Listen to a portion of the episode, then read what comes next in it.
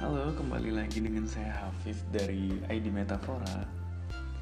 Nah, pada episode kali ini saya akan membahas tentang bagaimana sih persiapan ketika kita ingin membangun startup atau bisnis teknologi. Yang dimaksud startup biasanya adalah bisnis apa pun yang core utamanya memanfaatkan penggunaan teknologi. Nah, gimana sih prosesnya membangun startup itu? Ternyata 71% bisnis gagal di dalam 10 tahun pertama. Nah, kenapa mereka bisa gagal? Faktor utama yang membuat bisnis gagal adalah mereka tidak menyiapkan bisnis plan. Menurut data, bisnis yang dimulai dengan menggunakan bisnis plan 36% mendapatkan pinjaman 36% lagi mendapatkan investment dari venture capital dan 64% dari bisnis yang mempersiapkan bisnis plan itu mereka tumbuh bisnisnya.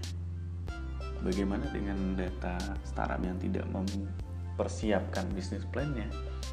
Nah, ternyata 18% mendapatkan pinjaman dan 18% mendapatkan investment atau mendapatkan investasi dari venture capital dan 43% bisnisnya tumbuh.